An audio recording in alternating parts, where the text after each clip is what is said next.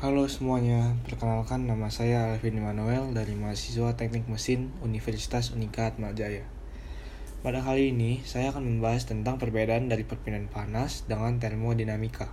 Nah, perpindahan panas ini ialah mata kuliah lanjutan dari mata kuliah termodinamika.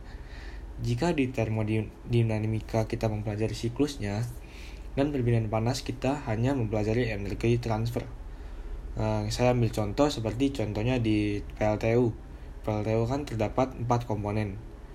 Nah, jika di perpindahan panas ini kita hanya memperhatikan dua komponen saja, yakni boiler dan kondensornya saja. Nah, terdapat macam-macam perbedaan panas, yaitu konduksi, konveksi, dan radiasi. Nah, apa sih perbedaan dari konduksi, konveksi, dan radiasi? Nah, pertama-tama kita lihat dari mediumnya. Jika di konduksi dan konveksi, perbedaan panas menggunakan medium perantara. Dan hanya perbedaan panas secara radiasi yang tidak menggunakan medium perantara. Lalu, untuk medium perantara dari konduksi adalah dengan medium yang stasioner atau diam. Dan untuk konveksi, menggunakan medium perantara yang bergerak. Dan yang terakhir ada radiasi. Radiasi itu perbedaan panasnya menggunakan gelombang elektromagnetik.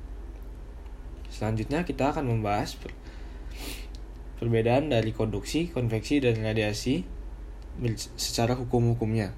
Nah, kita juga dapat mempelajari hukum-hukum dari konduksi, konveksi, dan radiasi.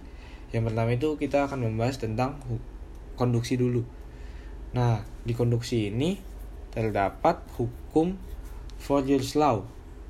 Nah, kalau di konveksi Newton law Newton Law of Cooling dan di radiasi itu Stephen Boltzmann.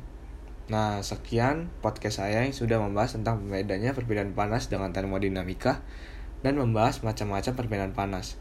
Sekian, terima kasih.